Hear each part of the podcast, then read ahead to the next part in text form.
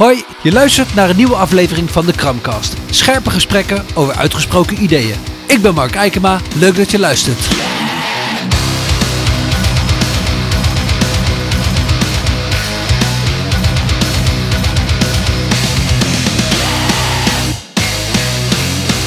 En een hele goede morgen, uh, Albertine. Dankjewel dat je tijd wil maken om uh, met mij te praten.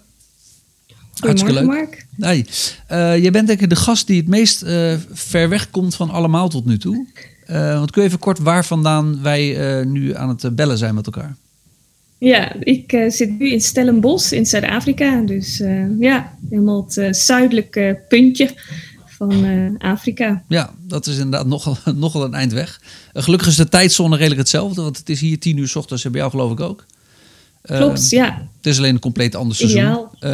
Ja. Ik, ja. Al, ik hoorde dat er bij jou stormde en de sneeuw op de bergen lag. En hier uh, hebben we net een beetje de zomer achter de rug. Dus dat is wel, dat is wel leuk. Maar ja. uh, te gek dat je tijd wil maken. Uh, ik kwam een tijdje geleden een uh, bericht over jou tegen. die mij wel aansprak. En dat is dat jij sinds kort beroepen bent als predikante in de Vrijgemaakte Kerk hier in Hattem. Dat is hier vlakbij Zwolle. En dat is nogal een dingetje voor de Vrijgemaakte Kerk, want je bent de allereerste vrouw die als predikant uh, gaat optreden. Uh, dus gefeliciteerd met, uh, met je nieuwe baan, kan ik wel Dank zeggen. Je. Wanneer, uh, wanneer ga je daar echt beginnen?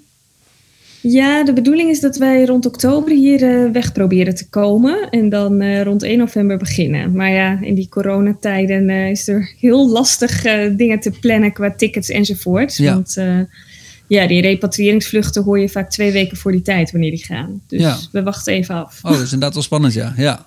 Ja, Maar zo jammer, ja. want bij jullie begint al straks de zomer en dan kom je hier op het moment dat hij hier is afgelopen. Dat is wel. Ja, daar zie ik niet echt naar uit, moet ik zeggen. Nee. Dus dat, eh, het is dat die baan hopelijk heel leuk is. Want, eh, Dat, zou- dat zou mooi zijn. Ja. Ja, had had hem ieder wel geval een prachtig wat. dorp. Dus dat ja, is wel, eh, dat is wel gaaf. Ja. Daarom. Nee, we hebben het getroffen. Nou, mooi. Hey, maar kun je eens vertellen hoe dat zit met het, eh, met het worden van een van vrouwelijke predikant binnen de GKV? Want er is nogal een voorgeschiedenis binnen het kerkverband zelf. Eh, en het, dat ambt van predikant is natuurlijk lang niet opengesteld voor, ehm, voor vrouwen. Kun je eens eh, ko- kort even vertellen over wat, wat jouw eigen pad daarin is geweest met je, nou, met je eigen kerkelijke achtergrond, je opleiding en dat soort zaken? Ja. Ja, ik ben dus opgegroeid ook in de Vrijgemaakte Kerk. De kerk waar ik dus nu ook straks aan het werk ga. En ehm, ja, een hele nou ja, actief kerkgenootschap wel, denk ik. In de zin, heel mensen zijn, eh, als ze lid zijn, dan, eh, hè, dan, dan zijn ze er ook. Ja, En ehm, ik, eh, ik vond het altijd heel boeiend, de kerk. En het sprak me altijd heel erg aan. Mijn ouders waren ook actief betrokken. En ehm, dus eigenlijk van jongs af aan vond ik de kerk heel interessant. Ja. En, en de dominee en, en alles rondom wat er rondom gebeurde. En ik was eh, me er natuurlijk niet, niet heel erg bewust van dat je als vrouw daar niks zou mogen. Het was een mannenwereld. Maar ja, dat, dat, dat is gewoon zo normaal dat je daar ook niet vraagtekens bij stelt. Of dat, dat was niet eens ter discussie werd dat gesteld. Het was gewoon, eh, het was gewoon zo. En eh, toen ik moest gaan studeren, ik had HAVO gedaan. Toen, ja, toen, toen wilde ik eerst de economie in. Ik dacht, dat, dat ga ik maar doen. Theologie was gewoon geen enkele optie. Dat, er waren sowieso eigenlijk bijna geen vrouwen die theologie studeerden. In mijn omgeving kende er geen één. nee. En je kon er toch niet mee aan het werk eh, in de kerk. Dus ja, eh, dat, dat wilde ik doen. Maar eh, toen werd ik eigenlijk twee keer heel duidelijk wel geroepen van... hé, hey, ga maar theologie studeren. Hmm. Echt, een, echt een stem, zeg maar, die ik hoorde. En dat ik dan wel dacht van... aan de ene kant, nou, dat is, dat is wel apart. Want ja, daar had ik niet dat aan gedacht of zo. Of, is dat, dat kan ik eigenlijk niet, of dat kan ik eigenlijk niet doen. Nee. En aan de andere kant dacht ik ook wel gelijk van ja, maar waarom niet? Weet je wel? Ik bedoel, eh, eigenlijk is dat volgens mij heel gaaf. En ik begon me dus even snel in te verdiepen wat is mogelijk, ook als HAVO-meisje. Want Ja. eh, eh, voor theologie wil je predikant worden, moet je naar de universiteit. Dus dat was natuurlijk ook nog even een dingetje. Ja. En eh, toen eh, ben ik toch, eh, heb ik me ingeschreven voor HBO-theologie eerst. Dat bestond toen een klein tijdje, vol, dat je dat voltijds kon doen. Ja. Nou, dat gaan studeren en ook nog wel echt met het idee van... ik weet niet wat ik nou hiermee ga doen. En ik was er ook nog lang niet van overtuigd... dat ik als vrouw ook op een dag dominee zou mogen worden. Stiekem wilde ik dat wel, maar Ja. ja, daar was ik gewoon nog niet van overtuigd. En toen ik dus in mijn derde jaar van mijn studie zat... toen moesten wij zes maanden stage lopen. Ja, en ik had zoiets, dat kan ik wel in mijn eigen kerk gaan doen. Maar ja, wat, wat kan ik dan eigenlijk doen? Weet je wel, niet zoveel. Ik bedoel, dan moet ik naar een vergadering en dan mag ik niet meepraten of zo. Of dan, dan ja, wat, wat, dan moet ik... Ik heb geen idee. Dat, houdt, dat is eigenlijk nog geen stage, zeg maar. Ja. En toen uh, was er toevallig een gastdocent uit Zuid-Afrika die bij ons een college kwam geven. En toen dacht ik, ja, weet je, misschien moet ik gewoon naar het buitenland. Misschien... Uh, uh, laat ze daar wel vrouwen toe. En dan, uh, dan ben ik gewoon ver weg van iedereen en alles die zegt wat ik wel en niet mag. Ja. En uh, nou ja, hij zei toen, dat was nog een tijd voor, voor internet. Voordat je echt zelf op zoek, zoektocht tocht kon gaan van wat is allemaal beschikbaar. Mm -hmm. En hij heeft toen wat voor mij geregeld. En toen ben ik in 2004, dus dat is nu 16 jaar geleden, naar Zuid-Afrika vertrokken voor zes maanden stage. Ja nooit gedacht natuurlijk dat ik hier uh, tot nu toe zou blijven, blijven nee. hangen. En hier verder zou gaan studeren en hier eerst predikant zou worden. Oké. Okay. Uh, maar dat is allemaal wel gebeurd. Ja. Omdat ik toch... Um, ja, het is hier ook een gereformeerde kerk waar ik me heel erg thuis voelde. En waar ik dus wel predikant mocht worden. Ze hebben hier nu 30 jaar uh, vrouwen in het ambt. Oké. Okay. Dus dat is ook al wel een tijdje. Alhoewel je ook als vrouw echt nog wel flink in de minderheid bent. De praktijk mm -hmm. is dat er echt weinig vrouwen hier ook uh, predikant zijn. Verandert nu langzaam. Nou ja, en, en ook nog wel altijd in Nederland betrokken geweest. Uh, toen het debat een beetje op gang kwam over de vraag... waarom mag je eigenlijk als vrouw niet leiding geven in de kerk, geen dominee worden... Uh, ben ik me daar een beetje tegenaan gaan bemoeien. Want ik uh, ging ook promoveren op het onderwerp. Okay. En nou ja, dan, dan ga je er flink in verdiepen. Ook, ook voor mezelf, niet zozeer... Um, dat ik me met het debat wilde bemoeien, maar ook omdat ik er zelf niet uit was. Of het, of het wel mocht of niet mocht. Okay. En uh, dus daar ook flink op wilde gaan studeren. En uh, toen in 2013 dus uh, gepromoveerd daarop. En toen was ik er dus eigenlijk voor mezelf wel uit, hè, van dit, dit mag. En toen ben ik ook eigenlijk direct het jaar daarna predikant ook geworden in datzelfde jaar. Ja en uh, beroep hier gekregen. En ja, in de, in de kerken in Nederland uh, bleef het debat uh, doorgaan en doorgaan. Totdat het drie jaar geleden, in 2017, de knoop werd doorgehakt bij de synode, dus de algemene vergadering. En de ambten dus open werden gesteld. En dat kwam ja. op zich ook wel een beetje als een verrassing. Want um, ik denk niet dat, dat mensen het hadden verwacht. Ik zelf ook niet helemaal. Je hoopt dat natuurlijk. Ja. En, uh, maar ja, ik denk dat het toch wel iets sneller is gegaan dan wat, uh, wat dat de meeste mensen dachten, wat ik zelf ook dacht. En toen besefte ik natuurlijk wel van hé, hey, um, ja, nu, nu is er technisch uh, gesproken een kans dat, dat ik misschien ooit in de vrijgemaakte kerken weer aan de slag kan ja. als predikant. En ja, toen, toen kreeg ik een beroep dit jaar, dus nu ga ik dat ook doen. Wow. dus dat is even heel, heel kort het uh, verhaal, maar uh, zo zit het een beetje in elkaar. Ja, en je hebt de afgelopen 16 jaar echt in Zuid-Afrika dus gewerkt en gewoond? Ja, het grootste deel, grootste deel wel, maar ik ben ook al twaalf jaar nu, uh, of elf jaar docent aan de VIA Hogeschool in Zwolle. Mm -hmm. Dus ik heb ook daar een tijd lang wat meer gewoond dan dat ik hier in Zuid-Afrika woonde. En ik heb ook veel gereisd tussen, nou ja, Zuid-Afrika en Nederland om in Nederland les te geven en dan hier uh, ook te werken. Dus ja. dat, uh, het contact is altijd gebleven en al mijn publicaties zijn in principe in het Nederlands. Dat, ja. Uh, ja. Maar goed, je hebt inmiddels altijd qua ook... theologie. Sorry? Sorry? Nee, zeg maar.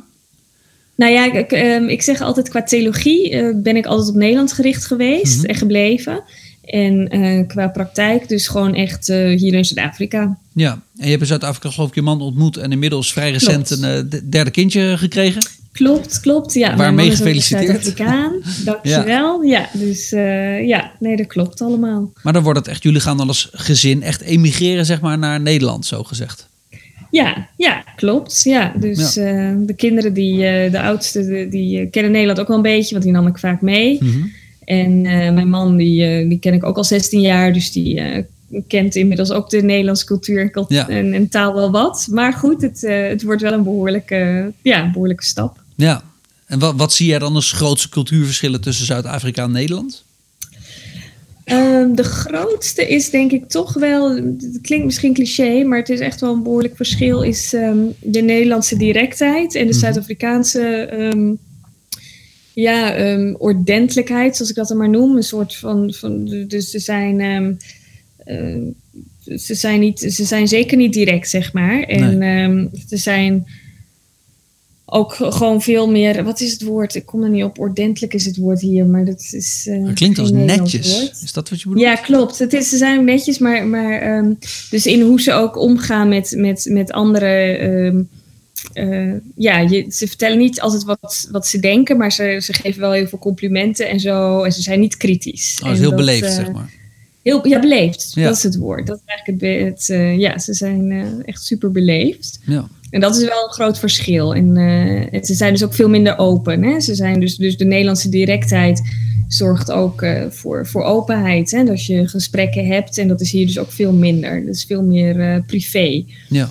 dus die beleefdheid, dat, dat, ja, dan, dan hou je ook zekere dingen privé. Dus dat, dat vind ik wel het grootste verschil. Okay. Ja. ja. Nou, interessant. Ja. Leuk. Ik ben benieuwd hoe het gaat hebben hier. Ja, ik ook. Hey, en je, je bent natuurlijk afgestudeerd op, dit, uh, uh, op het thema, uh, ja, zeg maar de rol van de vrouw in de kerk. Of misschien zeg ik het verkeerd hoor, dus vul me aan waar ik de plank misla. Kun je, eens heel kort uitlichten um, wat, wat, welke tegenargumenten tegen de vrouw in het ambt jij bent tegengekomen? En wat daarop jouw ja. antwoorden zijn geweest. Want er zijn een aantal, ik geloof dat ze zwijgteksten worden genoemd. Ja. Uh, ja. Die vaak worden aangehaald van nou, om deze reden hebben vrouwen geen plek in de kerk. Of in ieder geval niet die plek in de kerk. Ja. Nou ja, weet je, het is, het is een beetje um, in het algemeen. Um, is het iets wat je ook gewoon al, al eeuwen terugziet in de samenleving. Hè? Vrouwen die, uh, die al nou ja, eeuwenlang ook zijn gezien als, als minder mensen. Dus als, als uh, geen rationele wezens enzovoort enzovoort. Dat, dat kunnen we ons nu niet zo goed voorstellen dat dat eeuwenlang zo is geweest. Maar dat, uh, dat, dat was zo. En het is in sommige landen is dat natuurlijk nog steeds het geval. Mm-hmm. Dus er zit eigenlijk iets, iets heel dieps achter van ja, mannen en vrouwen verschillen. Hè, dat is dan de relatie. En ze verschillen zodanig dat mannen gemaakt zijn of geschapen zijn, als je dat dan christelijk zegt, uh, voor, uh, voor leiding geven, voor werken, buitenhuis. En vrouwen die zijn zeg maar geschapen om kinderen te krijgen en thuis te blijven. Hè? Dus dat, dat is eigenlijk een beetje het hele brede argument. En um, ja, in de, in de Bijbel, als je die erbij pakt, dan zie je natuurlijk ook heel veel uh, vrouwen die inderdaad vooral gericht zijn op het, of die vooral als moeder en niet op het land werkte en zo, het Oude Testament.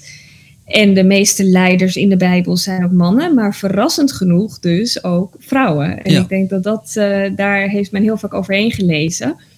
En, eh, dus maar, d- ja, en dan heb je die, waar jij het even over had, die zwijgteksten. Dat zijn in het Nieuwe Testament, zijn dat eh, dus eigenlijk de, de verhalen van na Jezus, eh, of van Jezus leven en daarna. Eh, heb je twee teksten waar de bekende schrijver Paulus, de bekende zendeling, zegt van ja, eh, het is beter als vrouwen in een eredienst eh, zwijgen. Mhm. En het is ook beter als eh, vrouwen niet aan mannen iets leren. Dus dat zijn twee teksten die altijd heel erg zijn uitgelicht. Van ja, zie je wel, vrouwen moeten gewoon hun mond houden. Mhm. En vrouwen zijn anders. En ehm, ja, zo, eh, zo zit dat gewoon. Gewoon zwart-wit. De rolbepaling van de man en de vrouw eh, is, eh, is, is zo. En ja, dat, dat, dat zijn eigenlijk al, altijd argumenten geweest die ook nooit echt zijn bevraagtekend hoor. Van dat, dat was gewoon hoe het was.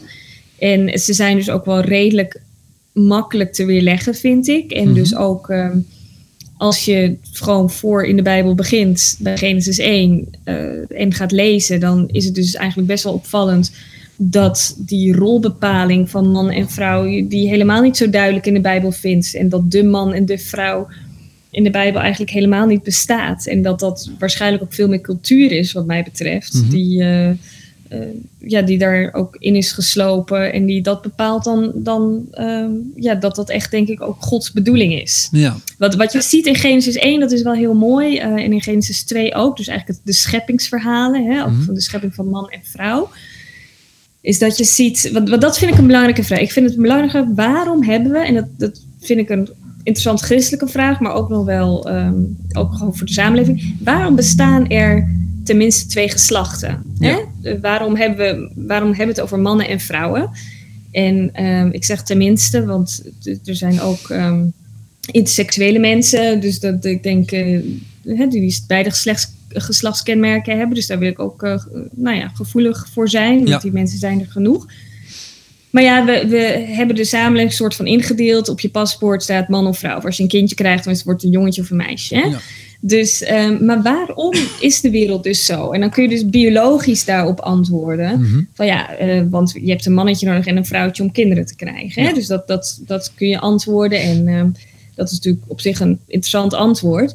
Maar vanuit de Bijbel, dus theologisch gesproken, christelijk gesproken, uh, kun je dan zeggen van ja. Um, uh, God wilde diversiteit in de schepping, want diversiteit is eigenlijk heel gaaf. Wij mhm. mensen vinden dat heel moeilijk. Hè? We, we, we, kunnen niet zo goed omgaan met diversiteit. We hebben liever dat iedereen is zoals wat jij bent of zo. heel gek, want eigenlijk zou het dan natuurlijk oerzaai worden. En, um, en ook problemen geven, denk ik. Ja, ja. Maar um, ja, dus, dus ik denk dat het een, een gave is van God, hè, dat er dus diversiteit in de schepping is. En dat in, in het verhaal van Genesis 1 en 2 zie je ook dat uh, er één staat dat dat ook iets over God zegt. Daar wil ik zo wel wat meer over zeggen. Mm -hmm. Maar twee, ook vooral dat mannen en vrouwen geschapen zijn om um, elkaar aan te vullen en om samen te werken. Ja. En want dat aanvullen zeg ik ook even heel voorzichtig, want het is dus niet een aanvullen van luister.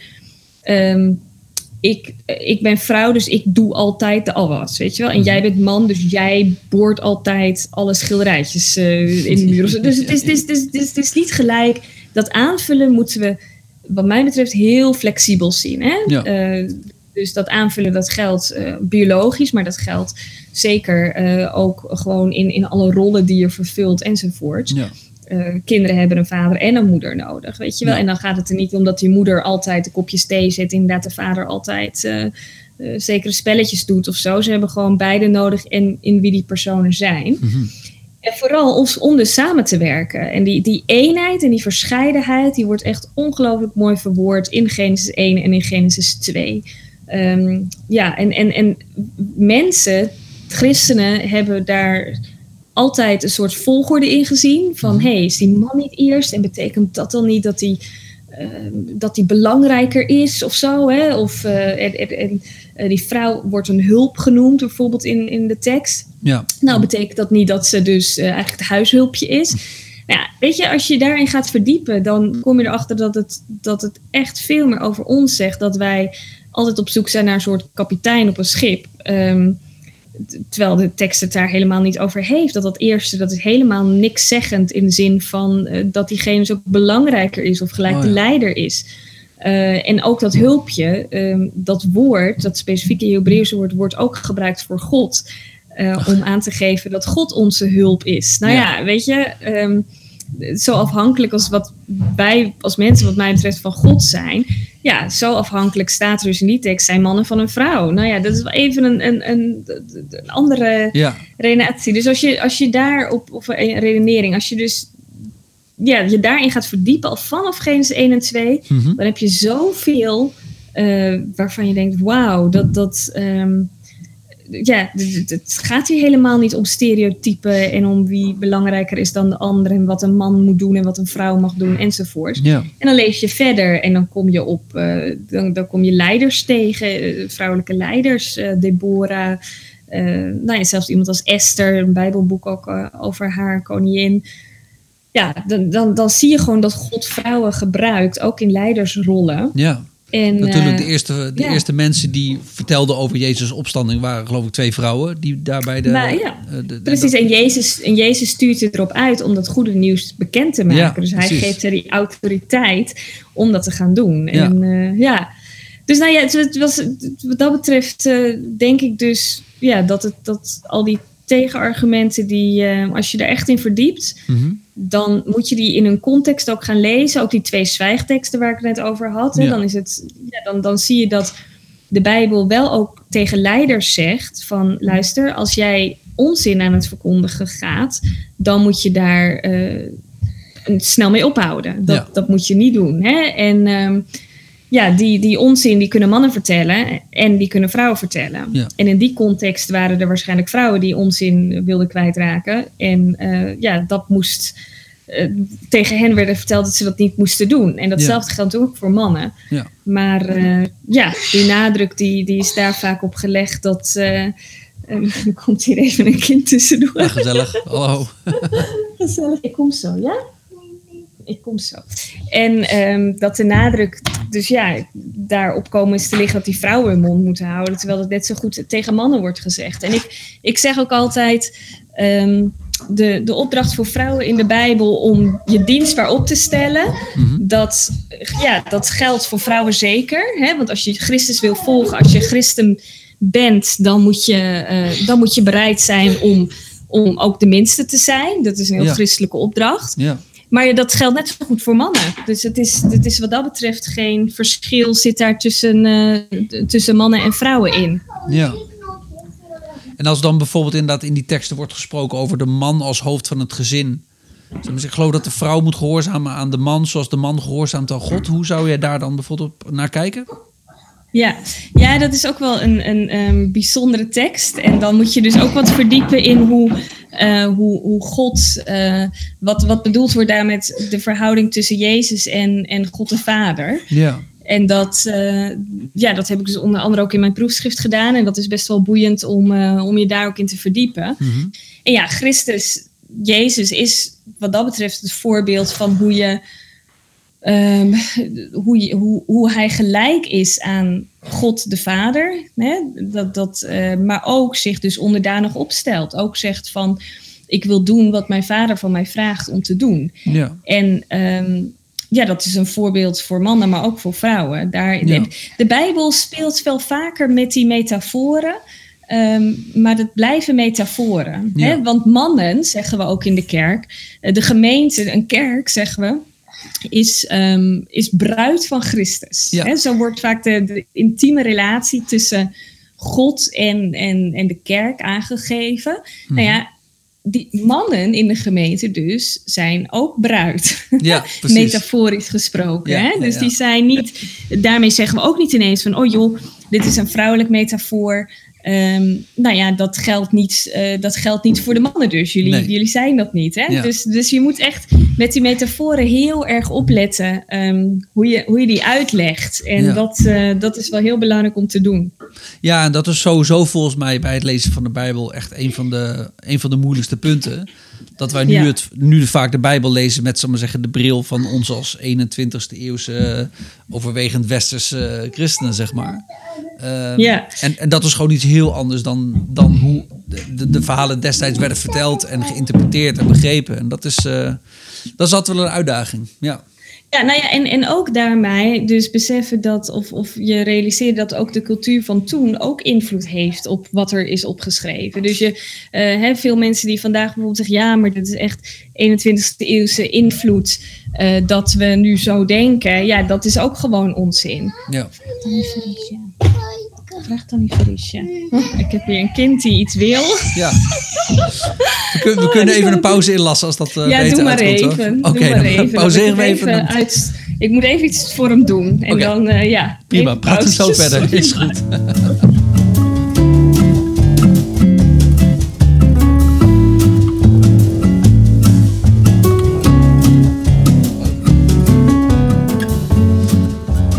Oké, dus, die, eh, nou ja, dus dat lezen in die context van, eh, van dat soort teksten is dus heel belangrijk. Ehm, en volgens mij ben je ook in jouw proefschrift en daarmee ook in het, in het boek dat aan de hand van jouw proefschrift is uitgekomen, Samen dansen in de kerk heet het als het goed is. Eh, benader jij die materie ook vanuit een bepaald godsbeeld, geloof ik. Ja. Kun je Ja, daar nog kort iets over vertellen? Ja, dat noemde ik net al eventjes inderdaad. Ook hè, dat Genesis 1, eh, als zodra er gesproken wordt over dus de schepping van man en vrouw, dan wordt er gezegd dat die mens, die man en vrouw, eh, die is geschapen naar Gods beeld. En ehm, ja, dat is, dat is eigenlijk een hele belangrijke kerntekst. Dus waarom kennen we een mannelijk en vrouwelijk geslacht? Nou ja, om dus eh, samen te werken, hè, samen sterker zou je kunnen zeggen. Maar ook dus om op God te lijken. Nou ja, als je. Dat, dat fascineerde mij, hè, zo'n tekst. Wat Ja. betekent dat dan, op God lijken? Eh, en dan moet je eigenlijk eerst de vraag stellen, en daarmee begin ik dan ook in mijn proefschrift. eh, van wie is God dan? Hè? Als, als, je, als, je- als je dus op God moet lijken, moet je eerst weten wie God is. Ja, Ehm, ja, als je, ja dat, is, dat is belangrijk. Nou ja, en dan kom je in de Bijbel tegen, als je, als je die vraag stelt van wie is God, dat je dus ziet van dat God een drie-ene God is. En dat, dat klinkt ook gelijk dan wel ingewikkeld, maar dat valt gelukkig mee. Uh, waarin we dus zeggen van ja, Jezus is God, hè, God-mens. En uh, de Heilige Geest, die zien christenen dus ook als, als God. En uh, de Vader, God de Vader. En um, waarom zeggen christenen, en zegt de Bijbel dus, is God drie één. Hè? Alle drie evenveel God. Uh, dat is eigenlijk het belangrijkste van die drie-eenheidsleer. Ja. Dat, je, dat je daarin zegt van ja, weet je, alle drie zijn ze evenveel God. Er zit geen hiërarchie of zo. De Vader is niet belangrijker als de Zoon. Uh, de Heilige Geest is niet belangrijk als de Zoon. Ze zijn alle drie evenveel God, maar ze zijn ook uh, ja, elk redelijk uniek. Hè? Ja. Jezus is degene die naar de aarde is gekomen. Um, Wordt dan vaak volgens mij gezegd één wezen, drie personen, zeg maar, toch? Klopt, ja, klopt. Okay. Ja, dus, dus ingewikkelde taal, maar eigenlijk wil die hele leer over God maar één ding zeggen, en dat is dat God relatie is. Ja. God is geen statische God van uh, iemand die ver weg ergens is en die geen bemoeienis heeft met mensen, die in zichzelf uh, op zichzelf gericht is, in zichzelf gekeerd is, om het maar zo te zeggen. Die is gericht op de ander. Hè? Ja. Dus God is liefde. God is relatie. Relatie is liefde. Een liefde um, ja, is altijd ook naar de ander toe. Dat ja. kan nooit alleen maar naar jezelf zijn. Mm-hmm. Dus uh, in God zien we dat al. Nou ja, en dan hoe meer je daarover na begint te denken, van over dus wat we als christen ook zeggen over wie God is. Hè? Dat God liefde is, dat God relatie is, dat God dus een eenheid is van hetzelfde wezen, zonder hiërarchie, uh, enzovoort, enzovoort.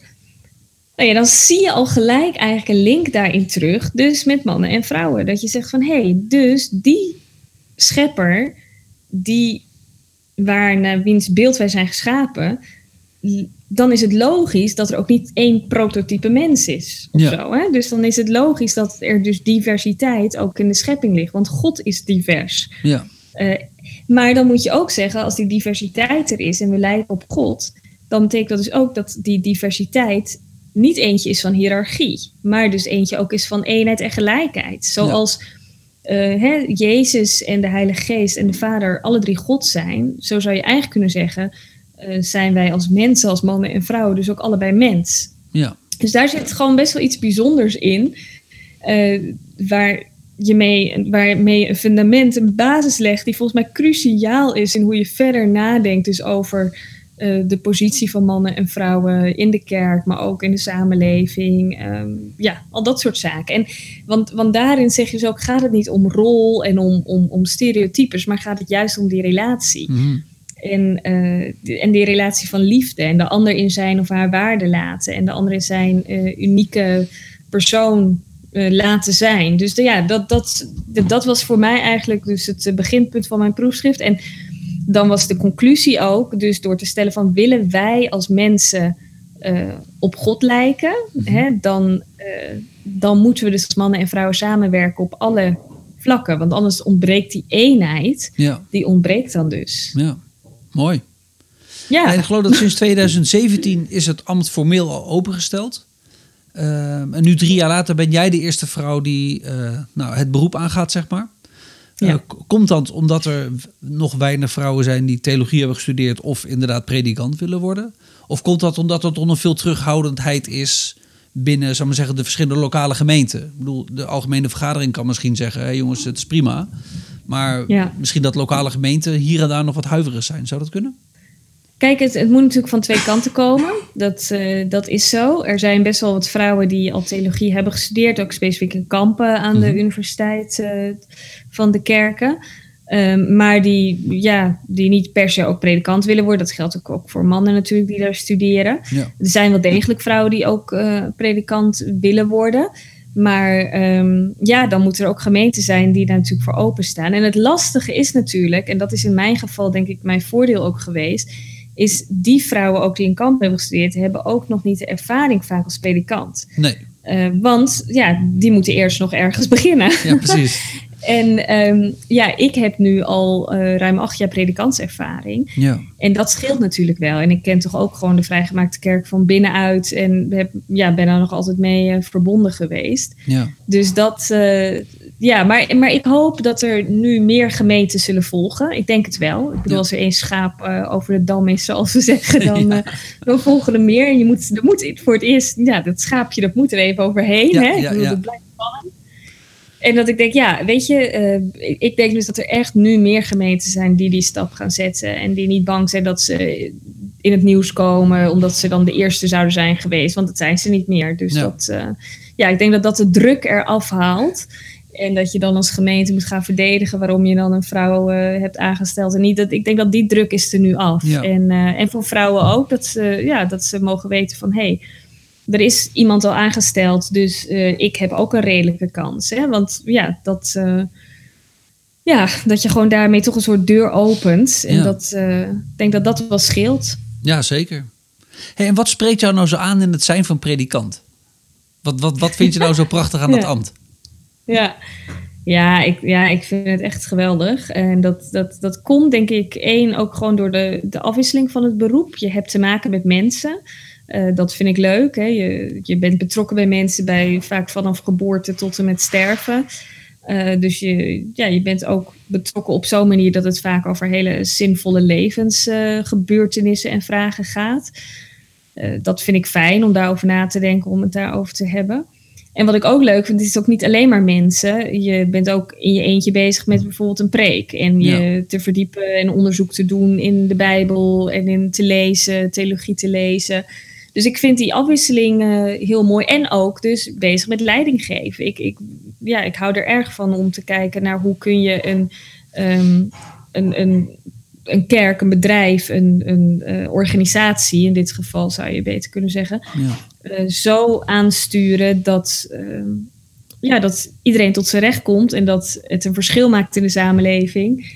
En dat, dat vind ik ook heel boeiend om te kijken van hey, hoe, hoe kun je dat zo vormgeven? Zo'n organisatie dat dat tot bloei komt en dat, eh, ja, dat iedereen er wat aan heeft. Ja. ja, mooi. Ja. Ja, dus echt die afwisseling, denk ik. En ook dus het spreken over God eh, ja, op al die vlakken. Ja. En je zei net iets over de samenleving. En dat is wel interessant. Want eh, in het NRC stond een ti- tijdje geleden een column. Ik weet even niet meer van wie, dat weet jij waarschijnlijk nog wel. Eh, Ja. Die iets vertelde over dat jij stilzwijgend het patriarchaat aan het slopen was. Zoiets was het Ja. geloof ik. Kun je even heel Ja, kort vertellen wat die, wat die column ongeveer zei en inhield? Ja, ja ehm, Guus, eh, Guus Valk, geloof ik. Oh, als, ik het, eh, ja, als ik nou zijn naam helemaal goed heb. Ehm, ja, die, die, die, die vond het interessant om ook te lezen. Het nieuws dat ik predikant zou worden, de eerste vrouw. En ehm, hij vond ook vooral de manier waarop ik de gesprekken ben aangegaan de afgelopen jaren daarin interessant. En Mhm. hij vergeleek dat een beetje mee van ja, je kunt eh, gaan schreeuwen voor je rechten en, en hè, de barricade heel erg opgaan. Of je kunt gewoon eh, inhoudelijke gesprekken aangaan en je dus eh, enorm verdiepen in het onderwerp en daarop promoveren enzovoort, zoals wat ik dan heb gedaan. En ja, dat, dat vond hij mooi om, om, om te zien, de manier waarop ik dat deed. Dus het was wel een, een mooi compliment, Ja. moet ik zeggen. En ja, en dat betekent natuurlijk niet dat je er dan ook stil over bent of zo. Maar dat je, ja, de, ik denk de manier waarop, en dat vind ik ook wel echt belangrijk, hoe je dus lastige thema's bespreekbaar maakt, is heel belangrijk. Want Ja. als jij gelijk eh, gaat zeggen van, oh, het is onderdrukking en het is verkeerd en ik respecteer niet mensen die er anders over denken, ja, dan, dan is het gesprek gelijk klaar. Ja. En, dat, en of als je met de Bijbel in de hand gaat zeggen, ja, maar dit staat er toch, hè? En, eh, en zo is het. Ja, weet je, dan kun je gewoon geen fatsoenlijke gesprekken voeren. Nee. Dus ik heb altijd geprobeerd, ook in, in alle gesprekken, eh, respect te tonen voor mensen die anders denken. Mhm. En door samen te denken en door ehm, ja, het op, op zo'n manier uit te leggen dat ik niet eh, ga polariseren. Dat vind ik echt heel belangrijk. En dus het, ja, dat pikte hij op. Dus dat is wel mooi. En hij zei ook daarin dat hij dus dat voor onderwerpen in de samenleving ook wel belangrijk vindt. Want ja, ja je merkt toch ook dat Nederland ook best wel wat meer polariseert hè, over, eh, over verschillende onderwerpen. En eh, over vluchtelingen, over Zwarte Piet, over eh, weet je, allemaal dat soort zaken. En eh, soms, soms is het ook goed hoor, denk ik, om wel ehm, heel duidelijk te demonstreren als er sprake is van geweld en, en, en dat soort zaken. En wil je een onderwerp ook onder de aandacht brengen van politici, Mhm. van de samenleving, ja, dan moet dat soms ook gewoon echt even op een heftige manier. Maar de vraag is wel, denk ik, wil je de oorlog winnen hè? Of, uh, of, of, of een veldslag of zo? En dat, ja. Ehm, ja, dat is denk ik wel belangrijk om, om je af te vragen. En hoe, hoe, hoe doe je dat? Hoe ga je dus zorgen dat uh, racisme verdwijnt? Hoe ga je zorgen dat mensen toch uh, vluchtelingen willen opnemen in, uh, in een land? Op welke manier doe je dat? Ja. hoe zorg je dat mannen en vrouwen meer gelijk betaald worden qua loon in Nederland? Hoe, hoe zorgen we ervoor dat er een keer een vrouwelijke premier komt enzovoort? Ja. Dus dat ja, Want zijn belangrijke vragen.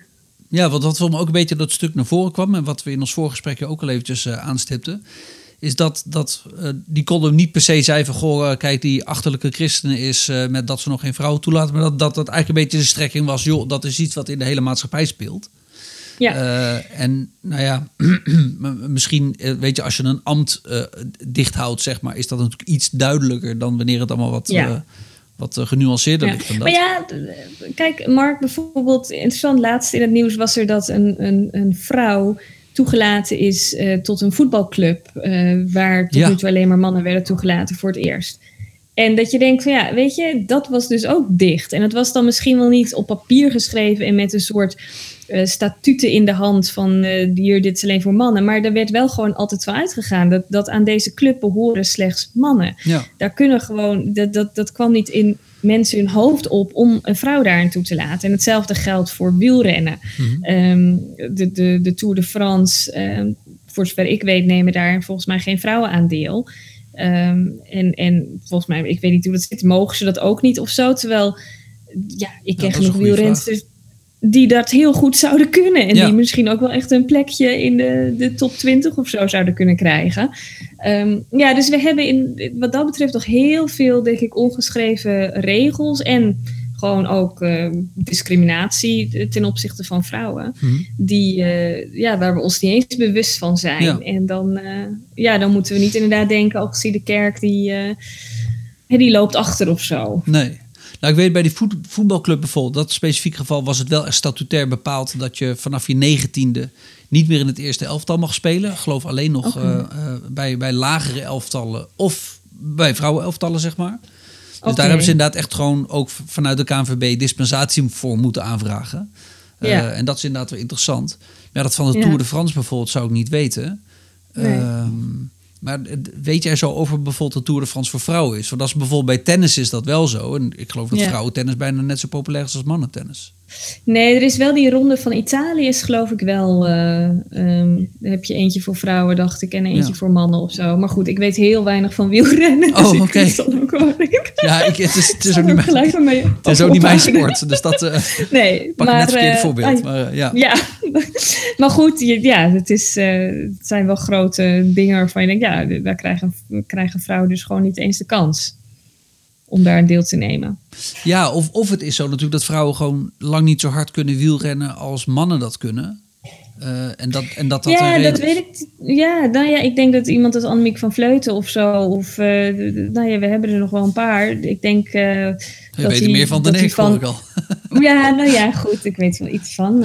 Maar, maar dat die, die zouden, nou ja, laten we zeggen, als er honderd mannen meedoen aan eh, zo'n wedstrijd of zo, dat, dat zij waarschijnlijk eh, tenminste twintig of dertig van die mannen achter zich laat. Ja, Hè, dat, dus ik, ik wil daarmee niet zeggen dat ze misschien met de allerbeste man, eh, dat dat vergelijkbaar is met de allerbeste vrouw, omdat Mhm. het gaat over biologische bouw enzovoort. Maar goed, Ja. ehm, het gaat in die zin ook niet, denk ik, altijd om het beste zijn. Dat gaat ook dus in die zin, vind ik dan mijn voorbeeld misschien ook wel goed. Want het gaat er niet om dat je dus als vrouw daarin dus ook ehm, moet competeren of met mannen of zo. Hè? Je, maar het is dat, dat die ruimte er toch is. Hetzelfde als Ja. met verpleging. We kunnen het ook omdraaien. Hè? Ehm, er zijn heel veel vrouwenverpleegkundigen en weinig eh, mannen. ja. Ehm, ja, maar, maar het mag wel, snap je? Het, Ja. is, het zou gek zijn als je zegt van ja, maar dit is eh 99% eh, vrouwen eh, die we in dit beroep zien. Dus mannen mogen dat dan ook niet. Nee, alsjeblieft, laat die 1% van die mannen die zich daar wel thuis in voelt en die dat wel kan, dat Mhm. ook doen. Hè? Ja. Dus nou ja, in zoiets als sport gaat het dan ook om, om winnen. Maar ja, ook niet, de, de meeste sporters winnen nooit. Al Nee. zijn ze in de top 20 of in de top 100. ja. Uh, ik bedoel, er zijn zat tennissers die nooit in die top 10 komen. Het is altijd hetzelfde rijtje van mannen en vrouwen daar. Ja. Uh, die, je, die je tegenkomt. Dus dat ik denk, ja, maar betekent dan dat je daarmee zegt... je laat die beste vrouw van tennis niet meedoen met uh, de beste tennis van mannen. Ze laat dan nog steeds honderden andere tennissers achter zich. Ja. Um, ja, en dat geldt voor het leger. Hè. Er zijn vast veel vrouwen die, uh, die fysiek minder sterk zijn als mannen voor het leger. Maar ze zijn er wel. Ja. En uh, ja, geven die ruimte. En dat, dat, en dat vind ik dus ook zelfs bij opvoeding. Hè. Uh, vaders die gewoon veel minder kansen krijgen om op de kinderen te passen dan, dan vrouwen. Ja, dat, dat is echt jammer. Ik vind dat echt dat we daar in Nederland ook nog heel veel stappen hebben te nemen. En volgens mij begint het daar. Gelijkheid tussen mannen en vrouwen. Dat je zegt, um, mannen krijgen evenveel uh, verlof als, als vrouwen zodra hun kind uh, geboren wordt. Ja. En die, uh, ja, ik, ik denk dat het daar begint. En je ziet ook in landen als Zweden en, en Denemarken waar dat het geval is dat er veel meer gelijkheid is. En ja, dat, is, dat lijkt me toch wel dat we daar ook in Nederland veel meer naar moeten streven. We lopen echt ja. enorm achter als het gaat daarom. Ja, lopen we achter? Ja, oh. ja, we zijn in de statistieken zitten we echt niet, uh, zitten we echt niet goed. Oh, maar dan, dan kijk je voornamelijk naar regelgeving, zeg maar, toch? Dat, dat de ja, regelgeving, en loon. De loonkloof tussen mannen en vrouwen voor dezelfde beroepen is, uh, is behoorlijk hoog. Als je kijkt naar het aantal uh, vrouwen in politiek en in leiderschapsposities mm -hmm. en hoofd van bedrijven en zo, dan zitten we echt laag in de statistiek. Ja, wat, wat, maar ligt dat wat jou betreft aan regelgeving? Of is dat cultuur? Of is dat keus van vrouwen? Of hoe, waar denk jij dat dat vandaan ja, komt? Het is veel complexer. Het is natuurlijk veel complexer dan dat. We zijn in Nederland ook een land waarin je heel veel parttime kunt werken. Mm -hmm. uh, hier in Zuid-Afrika bijvoorbeeld is het eigenlijk dat je of fulltime werkt of niet. Ja. Hè? Je, er zit niet zoveel tussenin. Dus dat, dat heeft natuurlijk ook wat. Dus dat is typisch een beetje cultuur van Nederland. En dan gaan heel veel vrouwen daar vaak voor kiezen voor dat part-time. Maar je ziet ook mannen die bijna niet helemaal fulltime werken of ja. zo. Dus dat. Maar regelgeving, ik, ik vind wel, uh, de politiek kan iets veranderen aan bijvoorbeeld dat, dat uh, verlof van ja. uh, zodra een kind geboren wordt. En daar, daar zie je ook dat het eigenlijk misgaat. Hè? Dus dat, dat zodra er een kind geboren wordt, dan gaan vrouwen minder werken. En de ja. mannen eigenlijk niet. Of nou ja, een klein beetje. En dan raakt er veel meer um, zorg in, rondom het huis. En in het huis natuurlijk nodig. Dus dan nemen vrouwen dat veel eerder op zich dan mannen. Ja, uh, ja dus dan, dan trekt het heel erg scheef. Dus, ja. en, en dat is wel regelgeving, waar in de politiek volgens mij. Uh, uh, ja, eigenlijk de, de enige is die daar veel meer van kan zeggen. Er zijn bedrijven die dat natuurlijk zelf ook kunnen bepalen. Mm -hmm. Ik las toevallig ook vandaag dat um, hier bij een telefoonmaatschappij in Zuid-Afrika ze, ze nu be, uh, hebben gezegd tegen hun personeel: joh, mannen, als jullie vader worden, dan krijgen jullie evenveel veel verlof als, uh, als een vrouw die, ja. die, die moeder wordt. Nou, dat is echt gaaf. Maar ja. dat, want het kost wel wat. Het is natuurlijk een, een kostenplaatje. Mm -hmm. Maar uiteindelijk, ja, al die vrouwen die, die ook gewoon goed hebben gestudeerd, een goede bijdrage kunnen nemen. Het, er zijn genoeg voorbeelden ervan dat maatschappijen die mannen en vrouwen in dienst hebben, in hun raad van toezicht, in bestuurraden, in alles, mm -hmm. het gewoon veel beter doen ja. dan, uh, dan dat er niet die diversiteit is. Dus ja, ja dan, dan moet je gewoon je kosten gaan berekenen waar, uh, ja, waar wil je ze uh, inzetten. Ja. En maar ja, wat dan, dan de moeilijkheid is natuurlijk, is dat je die vrouw dan wel moet kunnen vinden. Uh, en, en het ja, is een beetje de vraag, bieden wij weinig ruimte aan vrouwen of is er ook in dat opzicht weinig aanbod, zeg maar? En dat is dan volgens mij ook een beetje het gesprek. Ik weet bijvoorbeeld dat er ja. landen die hele egalitaire wetgeving hebben, zeg maar, dus bijvoorbeeld gelijke verloven en dat soort zaken. Dat daar juist inderdaad veel meer vrouwen ervoor kiezen om parttime te werken en minder carrière te maken, omdat ze in principe ook die vrijheid hebben. Dus ja. als je de wetten wat gelijk, meer gelijk trekt, zeg maar, dan wordt het verschil tussen mannen en vrouwen juist groter. Uh, en het lijkt mij heel ja. prima om het op gebied van wetgeving inderdaad gelijk te trekken.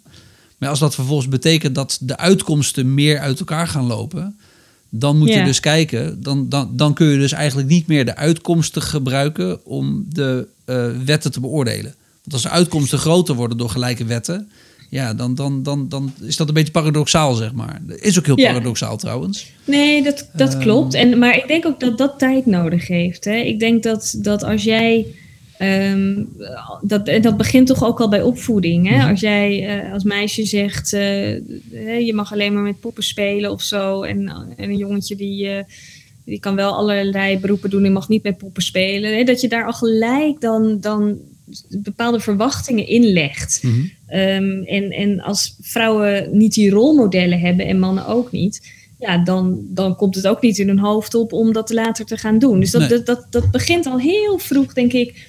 Dat je zegt van ja, want je hebt wel gelijk dat die vrouwen zich ook niet altijd aanbieden. En die zijn ook, dat zie je met televisie ook. Hè. We klagen ook vaak, of nou niet iedereen jammer genoeg, maar, maar de, je ziet minder, minder, mens, minder vrouwen bij talkshows bijvoorbeeld. Mhm. De meerderheid die gevraagd wordt bij talkshows zijn mannen. Dat komt ook onder andere omdat uh, er worden soms ook wel vrouwen gevraagd, niet genoeg maar dat die vaker uh, sneller nee zeggen dan mannen. En uh, omdat die vaak dan afwegen van ja, vind ik het wel belangrijk, vind ik dat niet. Uh, die zien ook niet altijd die voorbeelden van andere vrouwen die dat doen. Dus ze mhm. zijn ook onzekerder. en ja, dat, dat zijn dingen die je echt wel kunt veranderen als je dus gewoon maar doorzet met moeite te doen dat je daar vrouwen neerzet. Want dat heeft gewoon een soort sneeuwbaleffect geloof ik. Dus dat, dat, uh, dat is een kwestie van tijd. En dat, dat is gewoon een sneeuwbaleffect als... Uh, ik, ik merk er nu al, of ik merk nu al als ik als predikant op de, op de preekstoel sta, sta dat meisjes um, uh, daar ook sneller op klimmen op die mm -hmm. preekstoel dan, dat ze, dan dat ze deden voordat er een vrouw op stond. Hè? Dus ja, je, je merkt al daar verschil. En, ja. en dat geldt voor alles, volgens mij, in de hele samenleving. Qua rolverdeling en vaderschap en moederschap enzovoort. Ja. Maar denk jij dat, dat als we dat zo maar zeggen, op het gebied van cultuur en, en wetten, zeg maar, even plat gezegd, heel erg gelijk trekken, dat dan ook, zo maar zeggen, over 100 jaar er net zoveel mannelijke als vrouwelijke uh, verpleegkundigen zijn bijvoorbeeld? Of heb jij zoiets van, joh, er is nog steeds een heel groot biologisch Ik denk dat het daar niet om gaat. Nee, uiteindelijk gaat het er niet om dat je dus 50-50 uh, hebt of zo. Uiteindelijk -hmm. gaat het erom dat je, de, dat je die ruimte gewoon hebt om te zeggen, als je dat wilt, dan kun je dat doen. En um, ja, ik, ik, het kan best zo dat dat gebeurt als het, als het beroep van verpleger ja, dat, dat, zou, dat zou best kunnen. Ja. Maar dat hoeft niet. En dat moet ook niet het streven zijn. Ik, okay. ik hou niet zo van dat je, dat je zegt van uh, het, het, gaat om aantallen of iets dergelijks. Er moet die ruimte zijn. En ja, ja. dat. dat uh, kijk, er zijn ook mensen die bijvoorbeeld zeggen over mijn beroep van uh, ja, maar het is al heel erg vervrouwelijkt, weet je wel, in de kerk enzovoort. En ja, weet je, dat, dat zal, maar dan werk je weer ook met die, met die stereotypen. En dat, daar moet je gewoon, denk ik, toch echt mee, uh, mee oppassen, want dat helpt niet. Het nee. is, uh, ja, en laten we het gewoon, het is, het is nog steeds een menselijk beroep gewoon. Ja. En uh, ja, wat is mannelijk, wat is vrouwelijk, weet Precies. je wel? Dat is, ja. En dan zeggen dat, dat, het, dat en dan zeggen dat het heel, heel erg vervrouwelijkt is, terwijl al, terwijl al vanaf 1944 alleen maar mannen de dienst uitmaken. Ja, ja vind ik ook, bijzonder. Kun je ook ja, vragen nee. hoe, hoe, dat dan ja, is gekomen. Daarom. En, Misschien wordt het uh, door jou heel masculien, dat, dat zou leuk zijn. Ja, nou ja, dat, dat denk ik ook. Want ik denk van nu mensen, ook met, met mijn uh, nieuwe werk, moeten niet verwachten dat ik een uber vrouwelijk aspect of zo ga inbrengen. Of dat ik, weet je, dat, dat, wat, wat is dat dan? Hè? En dat ja. ik denk van, uh, en tuurlijk ga, preek ik waarschijnlijk automatisch meer over vrouwen. Want ik ben zelf een vrouw. En dat, dat geldt voor mannen dus ook. Die preek, je, je, je, dat wat je zelf bent, mm. daar associeer je eerder mee. Dus daar heb je het dan ook meer over. Dus dat, maar ja, het is niet dat je dat allemaal zo de hele tijd op etiketjes moet gaan lopen nee. drukken. Van ja, zie je wel, je is een vrouw die, die preekt of leiding geeft. Dus dat gebeurt op zo'n manier. Kijk ja, naar Angela Merkel.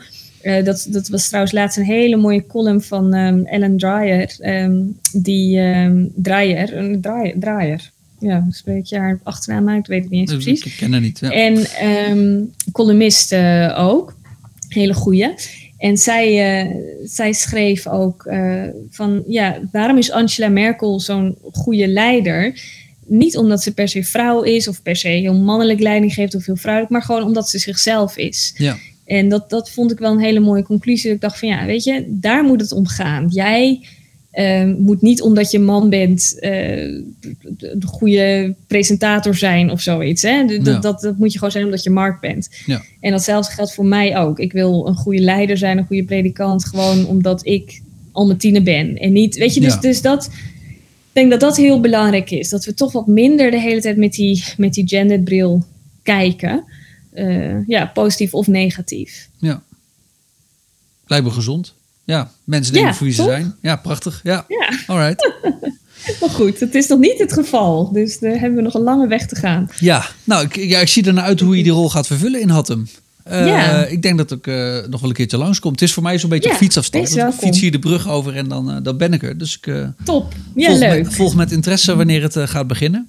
Ja, hey, mensen die geïnteresseerd zijn, die kunnen jouw boeken waarschijnlijk nog steeds krijgen. Samen dansen in de kerk heet die. Dat is, ja. zou maar zeggen, een beetje de populair theologische ja. um, zeg maar, variant van je versie. Ja, dat, dat lijkt me inderdaad wel wijs. Dus dat, dat lijkt me interessant. Ik, ik heb hem trouwens niet, dus dat moet ik nog eens een keertje regelen. Ja, dus gaan we lezen. Leuk. Hey, Goed, mag je bedanken voor je tijd? Ja, jij ook bedankt ik voor vond... je tijd en de vragen en het gesprek. Leuk. Ja, vond het leuk om met jou erover te hebben. En uh, ik uh, zie dan uit wat je, wat je gaat doen in Hattem. Top. Komt goed, dankjewel hè. Right, hey, dankjewel.